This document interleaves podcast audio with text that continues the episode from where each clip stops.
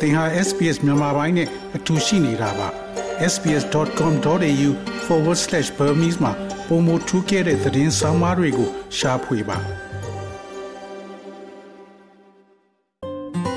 SBS မြန်မာပိုင်းကို အင်ကာနဲ့စနေနေ့ည10:00နာရီမှနားဆင်နိုင်တယ်လို့အွန်လိုင်းကနေလည်းအချိန်မီနားဆင်နိုင်ပါပြီ။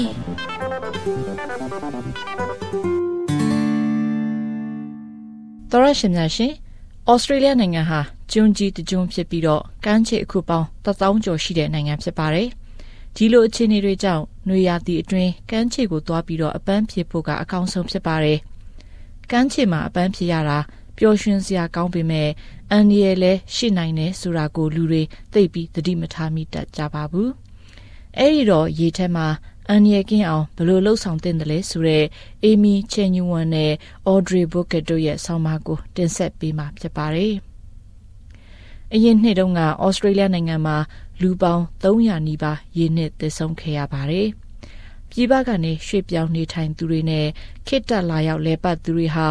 ဩစတြေးလျနိုင်ငံရဲ့လှိုင်းလုံးကြီးတွေနဲ့ပင်လယ်ရေစီးကြောင်းလိုတဘာဝပတ်ဝန်းကျင်နဲ့မရင်းနှီးတဲ့အတွေ့ပို့ပြီးတော့အန္တရာယ်နဲ့ကြုံရနိုင်ပါတယ်။ အဲဒါကြောင့်ပြည်ပကနေရွှေ့ပြောင်းသူတွေနဲ့ခိတ္တလာရောက်တဲ့လူတွေရင်းနှစ်သေးဆုံးတာမျိုးမဖြစ်ရအောင် Surf Life Saving Queensland ကနေပညာပေးအစီအစဉ်ပြုလုပ်ပေးတာရှိပါတယ်။အဲဒီလိုပညာပေးလုပ်ငန်းတွေကြောင့်တိုးတက်မှုတွေရှိလာတယ်လို့အဲဒီအဖွဲ့က Community Awareness and Multicultural Programs အကြီးအကဲ Scott Harrison ကပြောပါတယ်။ Originally when this program started in 2010, um, they did represent a high proportion of our drowning statistics. They did represent over 65% of our um, stats during that time. But during that period until now, until 2017, there's actually been a, a quite a dramatic decrease um, in that figure. Uh, and last year, the actual figure represented only 18% of our drowning throughout the state. ဒီအစီအစဉ်ကို2010ပြည့်နှစ်မှာစတင်တာဖြစ်ပြီးအစတုန်းကတော့ပြည်ပကနေရွှေ့ပြောင်းနေထိုင်သူတွေနဲ့အလဲအပလာသူတွေရင်းနှီးသေးဆုံးမှုနှုန်းကအတော့ကိုများပြားခဲ့ပါတယ်။အဲဒီတုန်းကရင်းနှီးသေးဆုံးသူတွေရဲ့ 65ရာခိုင်နှုန်းကပြည်ပကနေရွှေ့ပြောင်းသူတွေနဲ့အလဲအပတ်လာရောက်သူတွေဖြစ်ကြပါတယ်။ဒါပေမဲ့အဲ့ဒီအချိန်ကနေအခု2019နှစ်အတွင်းရင်းနှီးသေးဆုံးရသူတွေတိတိတသာရောကျလာပါတယ်။အရင်နှစ်တုန်းကဆိုရင်ပြည်ပကနေရွှေ့ပြောင်းလာသူတွေနဲ့အလဲအပဖြစ်လာရောက်ပြီးရင်းနှီးသေးဆုံးရတဲ့လူတွေက Queensland ပြည်နယ်မှာ18ရာခိုင်နှုန်းအထိကျဆင်းသွားတယ်လို့ရှင်းပြခဲ့ပါတယ်။ရင်းနှီးသေးဆုံးမှုတွေမဖြစ်ရအောင် Surf Life Saving Queensland အဖွဲ့ကကမ်းခြေတွေမှာစောင့်ကြည့်ရုံသာမကလူမှုအတိုင်းဝိုင်းပေါင်းစုံတက္ကသိုလ်ပေါင်းစုံအထိသွားရောက်ပြီးရေအန်ရီနဲ့ပတ်သက်တဲ့အသိပေးပညာလုပ်ငန်းတွေလုပ်ကင်ခဲ့တာဖြစ်ပါတယ်။အင်္ဂလိပ်စကားမတတ်တဲ့ရေကူးသမားတွေတည်နာလေအောင်တခြားဘာသာစကားနဲ့ရေးထားတဲ့စာရွက်စာတမ်းတွေကိုလည်းထုတ်ဝေဖြန့်ချိပြီးတော့အသိပညာပေးလုပ်ငန်းတွေလုပ်ကင်ပါတယ်။ကမ်းခြေမှာလုံခြုံစွာအပန်းဖြေနိုင်ဖို့အတွက် Beach Safe app တွေကို download လုပ်ကြဖို့လဲ Scott Harrison ကတိုက်တွန်းလိုက်ပါတယ် We also have the Beach Safe app um, which we actually get um, a lot of people to download for free which actually has 72 different languages on it um, so they can look at every beach around Australia and get access to that information in their own language. So if they're not comfortable in English, um, they actually download the app and look at the whole app in their own language. So which is quite a useful tool. ကျွန်တော်တို့မှာ Beach Safe app လည်းရှိပြီးတော့လူအများပြားကလည်းဖုန်းထဲမှာအခမဲ့ကို download လုပ်ယူကြပါတယ်။အဲ့ဒါကိုဘာသာစကား82မျိုးနဲ့လုပ်ပေးထားတာပါ။ Australia နိုင်ငံမှာရှိတဲ့ကမ်းခြေတိုင်းကိုကြည်နိုင်ပြီးတော့သူတို့ရဲ့ဘာသာစကားနဲ့အချက်လက်တွေကိုရှာဖွေလေ့လာနိုင်ပါတယ်။ဒါကြောင့်အင်္ဂလိပ်စကားသုံးရတာတက်တောင့်တက်တာမဖြစ်ဘူးဆိုရင်အဲ့ဒီ app ကိုဖုန်းထဲမှာ download လုပ်ပြီးတခြားဘာသာစကားနဲ့ကြည့်ရှုနိုင်ပါတယ်။အဲ့ဒါကတတော့ကိုအသုံးဝင်တဲ့အရာဖြစ်တယ်လို့ရှင်းပြသွားခဲ့ပါတယ်။အဲ့ဒီ app ကကမ်းခြေမှာလုံခြုံရေးအတွက်ကင်းလှည့်သူတွေရှိမရှိဆိုတဲ့အကြောင်းတွေအပြင် ကမ်းခြေမှာဘာဝန်ဆောင်မှုတွေရှိတယ်ဘယ်လိုအန္တရာယ်တွေရှိတယ်ဆိုတဲ့အကြောင်းနဲ့မိုးလေဝသအခြေအနေတွေဒီရေအတက်အကျနဲ့ရေလှိုင်းရဲ့အနေအထားတွေကအစပြောပြနိုင်တဲ့ app ပဲဖြစ်ပါတယ်အကြီးကသိရမှာကတော့တကယ်လုံခြုံစိတ်ချရတဲ့ကမ်းခြေကိုသွားချင်နေဆိုရင်တော့လုံခြုံရေးအတွက်စောင့်ကြည့်ပေးသူရှိတဲ့ကမ်းခြေတွေကိုရွေးချယ်ရမှာဖြစ်ပြီးအထူးသဖြင့်ကိုကရေကူးတအားကျွမ်းကျင်သူမဟုတ်ရင်အဲ့ဒါကိုသိထားဖို့ကအဓိကကြားတယ်လို့လည်းပြောသွားခဲ့ပါတယ်။ it's important to understand that you know the red and yellow flags is a safer place to be when you go to the beach, and Um, it just means that there are lifeguards around if you need some help. We've got the equipment there that you know, with, you know rescue boards and jet skis, um, access to helicopters, and you know just understanding that you know, the red and yellow flags means it's a safer place to be and they can have a fun, enjoyable time at the beach, especially with summer coming up. ကမ်းခြေကိုရောက်ရင်အနီရောင်နဲ့အဝါရောင်အလံတွေရှိတဲ့နေရာကအလုံးချုံဆုံးနေရာဆိုတာကိုသိနာလည်ဖို့အရေးကြီးပါတယ်။ အဲ့ဒီအလံတွေရှိနေတာကအကူအညီလိုအပ်ရင်အသက်ကယ်ပေးမဲ့လုံခြုံရေးသမားတွေရှိတယ်ဆိုတဲ့သဘောသက်ရောက်ပါတယ်။အဲ့ဒီနေရာမှာကယ်ဆယ်ရေးလှေတွေ jet ski တွေရဟတ်ယာဉ်စတဲ့ပစ္စည်းကိရိယာတွေရှိပါတယ်။အနီရောင်နဲ့အဝါရောင်အလံရှိတဲ့နေရာကအလုံးချုံဆုံးနေရာဆိုတာကိုသိတာနဲ့ကမ်းခြေမှာပျော်ပျော်ရွှင်ရွှင်ရေကစားနိုင်ပြီးအထူးသဖြင့်အခုလိုနေရာသည့်အချိန်ခါမျိုးမှာအကောင်းဆုံးပဲလို့ပြောလိုက်တာဖြစ်ပါတယ်။ ကမ်းခြေလုံးချုံရေးအတွက်စောင့်ကြည့်မဲ့သူမရှိတဲ့နေရာမှာရေကူးတဲ့လူတွေအတွက်အန်ဒီရဲ့အများဆုံးကတော့ပင်လယ်ရေစီးကြောင်းပဲဖြစ်ပါတယ်။အဲ့ဒီရေစီးကြောင်းတွေကြောင့်ပြင်းညံ့အားဖြင့်တစ်နှစ်မှာလူပေါင်း23ယောက်နှုန်းနဲ့သေဆုံးကြရလိမ့်ရှိပါတယ်။အန္တရာယ်ရှိတဲ့ရေစီးကြောင်းတွေကဘလို့မျိုးလဲဆိုတာကိုသိထားတာကကောင်းတယ်လို့ Sydney တက္ကသိုလ် Geoscience ဌာနက Dr. Jack McCarroll ကပြောပါတယ် Look for a place to swim where the waves are going to be as small as possible because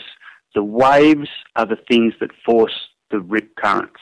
So the bigger the waves, the stronger the rips, and it's just more dangerous to swim anyway in, in, larger waves. If you get into trouble, if you notice that you're being taken offshore and you realise that you're, you're caught in, in a rip, is to simply put your hand up, stay afloat, get somebody's attention, and try to remain calm until until you're rescued. ရေကူးတော့မယ်ဆိုရင်လှိုင်းလုံးသေးနိုင်သမျှတီးတဲ့နေရာကိုရွေးချယ်ဖို့လိုအပ်ပါတယ်။ရေလှိုင်းတွေကပင်လယ်ရေစီးကြောင်းကိုဖြစ်စေတဲ့အတွက်ဖြစ်ပါတယ်။လှိုင်းလုံးကကြီးလေလေရေစီးကြောင်းကပြင်းထန်လေလေဖြစ်သလိုလှိုင်းလုံးကြီးရင်လည်းရေကူးဖို့အတွက်ပို့ပြီးတော့အန္တရာယ်ကြီးမှာပါတယ်။ တကယ်လို့အဲ့ဒီလှိုင်းလုံးကြီးတွေရေစီးကြောင်းထဲပါသွားပြီးကမ်းခြေနဲ့ဝေးသွားပြီးလို့ကိုကိုကိုတတိထားမိပြီးဆိုတာနဲ့လက်ကိုထောင်ပြပါရေပေါ်မှာပေါ်အောင်မျောနေလိုက်ပြီးတော့တယောက်ယောက်ကကိုကိုတတိထားမိလာအောင်လုပ်ပါကိုကိုလာရောက်ကယ်ဆယ်တဲ့အထိစိတ်ငြိမ်အောင်ကြိုးစားနေပါလို့အကြံပြုထားပါတယ်။ ကမ်းခြေမှာရေကူးသွားတဲ့အခါပဲတတိထားရမှာမဟုတ်ပဲကြောက်ဆောင်တွေရှိတဲ့နေရာမှာငားများမယ်ငားဖမ်းမယ်ဆိုလဲအန္တရာယ်ရှိတယ်လို့ဆိုပါတယ်။ကြောက်ဆောင်တွေကြားငားဖမ်းမယ်ဆိုရင်ပြင်ဆင်မှုတွေရှိဖို့ကအရေးကြီးတယ်လို့ Royal Life Saving Society အဖွဲ့က Aquatic Risk ရဲ့ Manager Craig Roberts ကပြောပါတယ် Persons who want to participate in rock fishing uh, need to do so and get the right safety equipment and ensure that they're the right location. Simple things like telling a friend and going with a friend of where you're going, making sure you're wearing cleats or the appropriate footwear, wearing a life jacket at all times, not just when you're in the water, but also on the edge of the water when you're fishing, so that if you do fall in, uh, you can stay afloat until emergency assistance arrives. ကျောင်းဆောင်တွေကြားငါးဖမ်းချင်တဲ့လူတွေအနေနဲ့တင့်တော်တဲ့ပစ္စည်းတွေရှိဖို့လိုသလိုတင့်တော်တဲ့နေရာဒေသကိုရွေးချယ်ပြီးတော့လှုပ်သင့်ပါတယ်။ အလွယ်ကူဆုံးကတော့မသွားခင်တငယ်ချင်းတယောက်ယောက်ကိုကြိုတင်ပြောပြတာတွေဒါမှမဟုတ်တငယ်ချင်းနဲ့အတူသွားတာမျိုးလုပ်ပြီးတော့တင့်တော်တဲ့အဝတ်အစားတွေဖက်နှက်တွေနဲ့အသက်ကယ်အင်ဂျီတွေကိုတစ်ချိန်လုံးဝတ်ဆင်ထားသင့်ပါတယ်ရေထဲဝင်တဲ့အချိန်ပဲအသက်ကယ်အင်ဂျီဝတ်တာမဟုတ်ဘဲရေဆက်နှဘေးမှာငားများနေရင်တော့ဝတ်ထားသင့်ပါတယ် တခုခုဖြစ်လို့ရေထဲပြုတ်ကျသွားရင် လူကမမြုပ်ပဲအရေးပေါ်ကယ်ဆယ်ရေးရောက်လာတဲ့အထိအသက်ကယ်အင်ဂျီကြောင့်မနစ်မြုပ်မှာဖြစ်တယ်လို့ရှင်းပြသွားခဲ့ပါတယ်။ကျောင်းဆောင်တွေအကြားငါးဖမ်းမထွက်ခင်အရင်ဆုံးလုံခြုံမှုရှိမရှိစစ်ဆေးပြီးမှသွာလာတဲ့နယ်လို့လည်းထပ်လောင်းပြောဆိုလိုက်ပါတယ်။ Making sure what the weather conditions are, uh, both uh, from a, from a meteorological point of view, but also from a surf point of view or from a, an ocean point of view. Rock fishing is a, a sport that the tides and the waves are one of the key factors that drag people into the water, um, causing death and drowning. ရာသီဥတုအခြေအနေကောင်းမကောင်းလေ့လာပါရာသီဥတုလို့ဆိုရမှာမိုးလေဝသအခြေအနေရေလှိုင်းအခြေအနေနဲ့ပင်လယ်ရဲ့အခြေအနေတွေပါပါဝင်ပါတယ်။ကြောက်ဆောင်တွေကြားငါးဖမ်းတာဟာ ရေလှိုင်းတွေနဲ့ဆက်နွယ်နီးစပ်နေတဲ့အတွေ့ရေလှိုင်းတွေကြီးလာရင်ငါးဖမ်းနေတဲ့လူကိုပင်လယ်ထဲလှိုင်းလုံးတွေကဆွဲခေါ်သွားနိုင်ပြီးအဲ့ဒီကနေရင်းနှီးသေးဆုံးရတာမျိုးတွေဖြစ်စေနိုင်တယ်လို့ဆိုပါတယ်။ကြောက်ဆောင်ကြားငားဖမ်းနေတဲ့လူကိုရေလှိုင်းကဆွဲခေါ်သွားပြီးစက္ကန့်ပိုင်းအသွေးမှာပဲပင်လယ်ထဲရောက်သွားမှာဖြစ်ပြီးတော့အဲ့ဒီနောက်ရေနှစ်နိုင်သလိုရေလှိုင်းနဲ့ပါသွားတော့ကြောက်ဆောင်တွေနဲ့ဝင်တိုက်မိပြီးသေဆုံးဒဏ်ရာရနိုင်တဲ့အန္တရာယ်လည်းရှိပါတယ်။တ ဒါကြောင့်ရေလှိုင်းလုံးကြီးတဲ့နေ့မျိုးမှာကြောက်ဆောင်တွေနာငါးဖမ်းတာမျိုးရှောင်ရှားသင့်ပါတယ်ပင်လယ်ရေကစားတဲ့အချိန်မှာပဲတတိထားရမှာမဟုတ်ပဲရေကူးကန်တွေမြစ်တွေနဲ့ချောင်းတွေမှာလည်းသေဆုံးမှုတွေဖြစ်ရတဲ့အတွက်အဲ့ဒီနေရာတွေမှာလည်းသတိထားရမယ်လို့ Craig Roberts ကထပ်လောင်းသတိပေးလိုက်ပါတယ် One of the key things is to to make sure you walk in the river. Ask the locals about what is the dangers of the rivers. Be aware that there are dangers underneath the, the water. Wear a life jacket. Learn CPR, and always swim with someone else. အဓိကကတော့မြစ်ထဲမှာလမ်းလျှောက်ကြည့်ပါဒေသခံတွေကိုလည်းအဲ့ဒီမြစ်ရဲ့အကြောင်းမေးကြည့်ပါမြစ်မှာဖြစ်တတ်တဲ့အန္တရာယ်တွေမြစ်အောက်မှာရှိနိုင်တဲ့အန္တရာယ်တွေကိုသိထားပြီးအသက်ကယ်အင်ဂျီတွေကိုဝတ်ပါ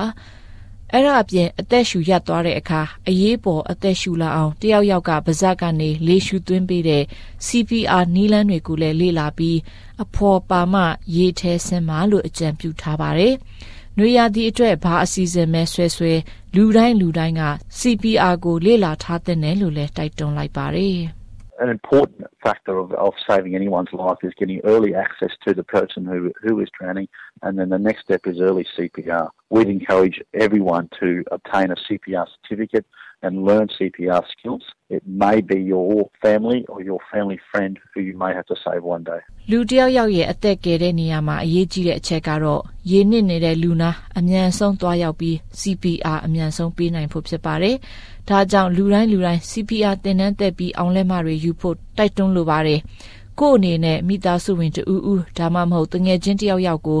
ကယ်ဆယ်ဖို့အရေးနဲ့ကြုံရနိုင်တဲ့အတွက်ဖြစ်တယ်လို့ရှင်းပြသွားခဲ့ပါတယ်။သောရရှင်တွေအနေနဲ့ဩစတြေးလျကမ်းခြေနဲ့ပတ်သက်ပြီးမိမိဘာသာစကားနဲ့ရေးထားတဲ့အချက်လက်တွေကိုသိချင်ရင်တော့ Beach Safe App ကို download လုပ်ထားနိုင်ပါတယ်။ရေထဲလုံခြုံမှုနဲ့ပတ်သက်ပြီး Surf Life Saving Australia ရဲ့ website ဖြစ်တဲ့ sls.com.au ကိုလည်းတွားရောက်ကြည့်ရှုနိုင်ပါတယ်။ဒါအပြင် The Royal Life Saving Society အဖွဲ့ကလည်း Australia နိုင်ငံအနှံ့အပြားမှာ CPR သင်တန်းတွေပို့ချပေးနေပါတယ်။ကမ်းခြေကိုရောက်လို့အကူအညီလိုအပ်ရင်တော့အသက်ကယ်ဝန်ထမ်းတွေစီချင်းကပြီးစကားပြောတာပဲဖြစ်ဖြစ်အချက်ပြအကူအညီတောင်းတာပဲဖြစ်ဖြစ်လှုပ်ဆောင်နိုင်တဲ့အကြောင်းတင်ပြလိုက်ရပါတယ်ရှင်။ကျွန်မကမူလှိုင်းသိမ့်ပါ SBS မြန်မာပိုင်းကို အင်ကာနဲ့စနေနေ့ည10:00နာရီမှနားဆင်နိုင်ပါတယ်။နားဆင်နိုင်တဲ့နည်းလမ်းအများကြီးရှိပါတယ်။ Radio Digital TV Online ဒါမှမဟုတ် SBS Radio App ကနေတဆင့်နားဆင်နိုင်ပါတယ်။ SBS မြန်မာပိုင်းအစီအစဉ်ဖြစ်ပါတယ်ရှင်။